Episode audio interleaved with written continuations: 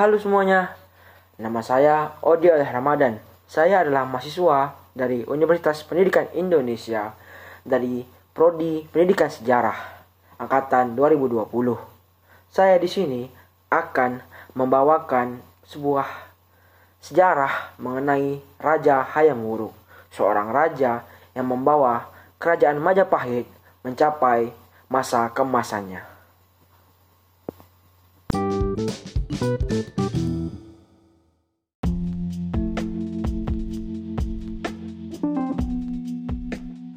Nah, sebelum saya membahas tentang Raja Hayam Wuruk, ada baiknya saya menjelaskan dulu nih tentang Kerajaan Majapahit. Kerajaan Majapahit merupakan salah satu kerajaan besar di Indonesia yang didirikan oleh Raden Wijaya, yaitu menantu dari Kertanegara pada tahun 1293. Secara harfiah, Kerajaan Majapahit adalah suatu kerajaan yang pernah berdiri dari sekitar tahun 1293 sampai 1500 Masehi. Kerajaan Majapahit berpusat di Pulau Jawa bagian timur, tepatnya di daerah Tarik, Sidoarjo, Jawa Timur. Asal mula kerajaan Majapahit yaitu sesudah Singasari mengusir Sriwijaya dari Jawa pada tahun 1290, Kubilai Khan dari Cina tertarik nih pada kekuasaan Majapahit yang sedang meningkat. Namun, pada tahun 1293, seorang pemberontak dari Kediri bernama Jaya Katuang sudah membunuh Kertanegara, Kertarajasa atau Raden Wijaya, yang yaitu anak menantu Kertanegara. Yang kemudian bersekutu dengan orang Mongol untuk melawan Jaya Katuang. Setelah Jaya Katuang meninggal, ia menyuruh pasukan Mongol untuk kembali dengan cara paksa. Akhirnya pada tahun 1293 itu pula, Raden Wijaya membangun sebuah kerajaan yang kemudian ia beri nama Majapahit. Nah, letak kerajaan Majapahit sempat berpindah. Tepatnya pada tahun 1293, Raden Wijaya membangun keraton Majapahit pada sekitar daerah Tarik Sidoarjo Jawa Timur. Lalu pada tahun 1350, kerajaan Majapahit dipindahkan nih ke daerah Trowulan pada masa Raja Hayam Wuruk.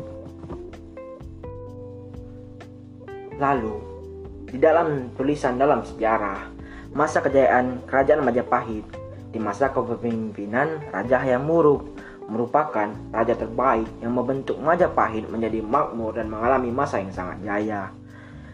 Kebesaran Majapahit mencapai puncaknya pada zaman pemerintahan Ratu Tribuana Tunggadewi Jaya Wisnu Wardani dan mencapai zaman kemasannya pada masa pemerintahan Prabu Hayam Wuruk. Dengan Mahapati Gajah Madanya yang kesohor di pelosok Nusantara, pada masa itu kemakmuran benar-benar dirasakan seluruh rakyat Nusantara. Hayam Wuruk, Sri Raja Senagara diangkat menjadi Raja Majapahit sesudah mangkatnya Sri Raja Patni pada tahun Saka, yaitu 1350 Masehi. Hal ini juga dibuktikan dalam piagam Singasari yang menjelaskan bahwa dengan penobatan Hayam Wuruk sebagai Raja Majapahit, Tribuana Tunggadewi Jaya Wisnu Wardani berhenti memagung tampak pemimpin negara.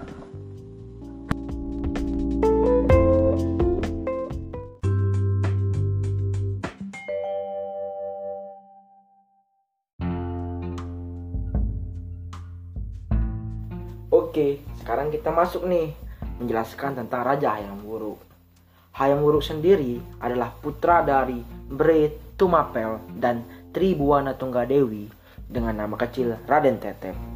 Nah, dalam kitab Negara Kertagama Pupuh 1 diuraikan tentang kelahiran Hayam Wuruk di mana ia lahir pada tahun Saka, tepatnya 1334 Masehi, di saat terjadinya gempa bumi dan gunung Kamput yang meletus.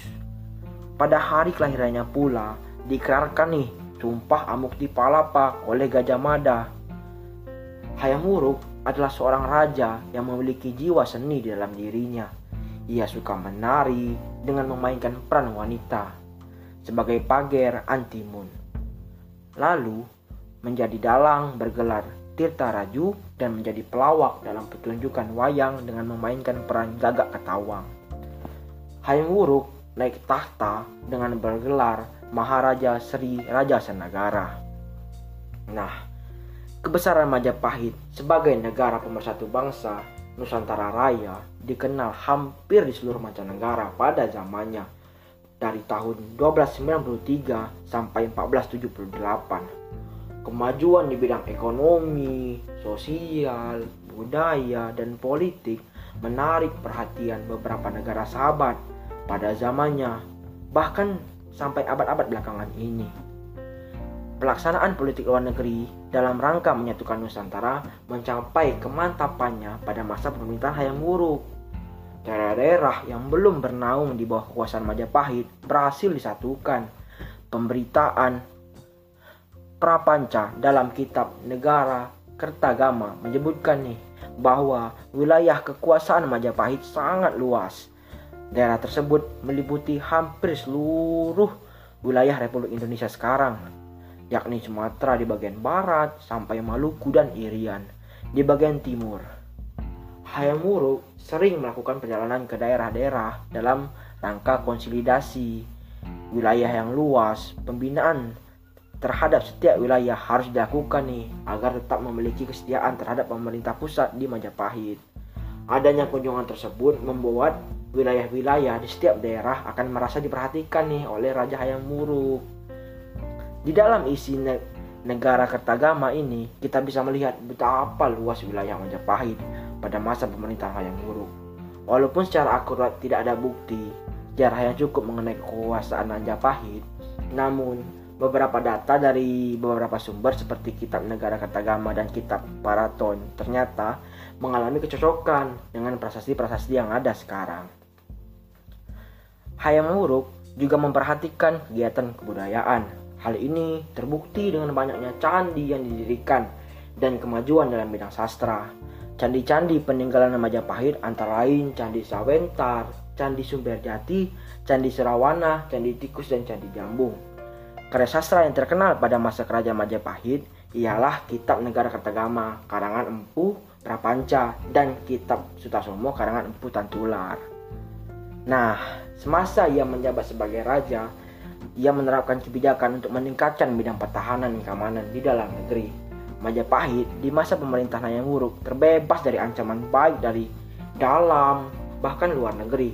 Tidak ada pemberontakan yang digejarkan dari dalam negeri maupun luar negeri. Hubungan kerjasama di bidang ekonomi dengan negara-negara tetangga sangatlah penting bagi Majapahit. Hal ini karena Majapahit merupakan sumber barang dagangan yang sangat laku di pasaran. Barang dagangan seperti beras, lada, gading, timah, besi, intan, ikan, cengkih, pala, kapas, dan kayu cendana.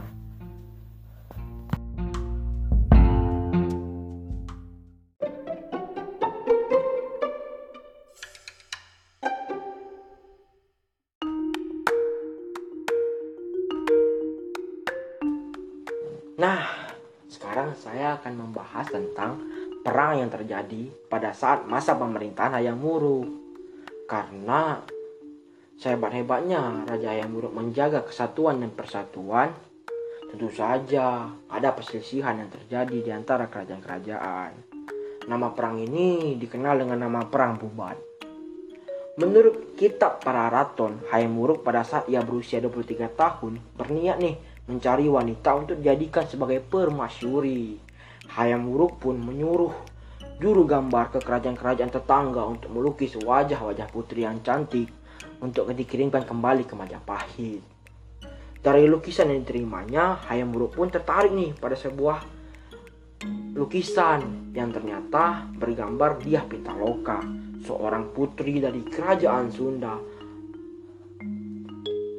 Lalu Raja Hayam Wuruk pun melalui Tuen Ane Paken menyuruh untuk melamar dia Pitaloka. Keinginan Hayam Wuruk ini tidak disetujui nih oleh Gajah Mada. Gajah Mada tidak menyetujuinya karena jika dia Pitaloka menjadi permasyuri Hayam Wuruk, maka seharusnya dia Pitaloka diserahkan ke Majapahit sebagai wujud kerajaan Sunda takluk pada Majapahit. Namun, menurut ibu dari Hayam Wuruk, Tribuana Tunggadewi, Sunda adalah kerabat sendiri. Jadi tidak harus ditaklukkan sehingga yang buruk melamar dia Pitaloka. Nah, setelah lamaran Hayam Wuruk diterima oleh Sunda, Hayam Wuruk kemudian mengutus Madu untuk datang ke Sunda guna membicarakan tempat dan waktu pernikahannya. Setelah berunding dengan keluarga kerajaan Sunda, disetujui bahwa pernikahan akhirnya dilakukan di kerajaan Majapahit. Nah, pada saat waktu pernikahan, Raja Sunda, Maharaja Lingga Buana beserta rombongan datang nih dari Galuh ke Trogulan, Majapahit. Namun saat rombongan raja sampai di Bubat, utusan dari Gajah Mada datang dan menyampaikan maksud bahwa Hayam Wuruk menikahi dia Pitaloka adalah sebagai tanda takluk Sunda kepada Majapahit. Utusan tersebut mengakibatkan rombongan Sunda merasa tidak dihargai. Rombongan Raja Sunda mendesak agar Raja Hayam Wuruk menerima dia Pitaloka sebagai permasyuri. Sebelum Hayam Wuruk memberikan keputusan tentang hal ini, Gajah Mada telah mengerahkan pasukan bayangkarinya agar Raja Sunda mengakui superioritas dari Majapahit. Perbedaan pendapat kedua belah pihak ini yang mengakibatkan terjadinya perang di lapangan Bubat. Rombongan Raja Sunda gugur, termasuk Maharaja Linggabuana dan pejabat-pejabat kerajaan. Nah, untuk membela kehormatan mereka, istri dari pejabat dan wanita kerajaan Sunda melakukan bela pati. Bela pati adalah tindakan bunuh diri yang dilakukan untuk membela kematian orang lain. Nah, untuk menghormati mereka, Hayam Wuruk pun menyelenggarakan upacara besar sebagai penghormatan atas orang-orang Sunda yang gugur di Buban. Kemudian Hayam Wuruk menikah dengan Paduka Sori, anak dari Bre Wengkar Wijaya Rajasa. Dari pernikahan tersebut, Hayam Wuruk mempunyai putri Kusuma Wardani dan dari selir yang lain Hayam Wuruk mempunyai putra yaitu Bre Wirabumi. Nah, lalu pada tahun 1389 setelah Majapahit ke percanturan sejarah dunia serta menjalankan roda pemerintahan Majapahit dengan gemilang, Hayam Wuruk dikabarkan meninggal di usia 55 tahun. Tidak ada yang tahu penyebab kematian dari Hayam Wuruk karena tidak ada data yang jelas tentang kematiannya. Lalu tampak kekuasaan Majapahit kemudian diturunkan nih oleh Kusuma Wardani. Akan tetapi Wikrama Wardana lah yang tercatat menggantikan kursi pemerintahan Majapahit selanjutnya sepeninggal Hayam Wuruk. Kejayaan Majapahit berangsur-angsur surut nih kesurutan yang menyebabkan terlepasnya beberapa wilayah-wilayah besar dari Majapahit. Hal itu dikarenakan perselisihan antara Wikramawardana dan Bre Wirabumi yang merupakan saudara tiri Kusmawardani. Perselisihan ini mengakibatkan perang saudara atau lebih dikenal dengan perang Parek-Rek pada tahun 1400 Masehi. Perang ini akhirnya dimenangkan Mikawardani dan tampaknya perang saudara ini melepaskan kendali Majapahit atas daerah-daerah taklukannya di negeri-negeri seberang.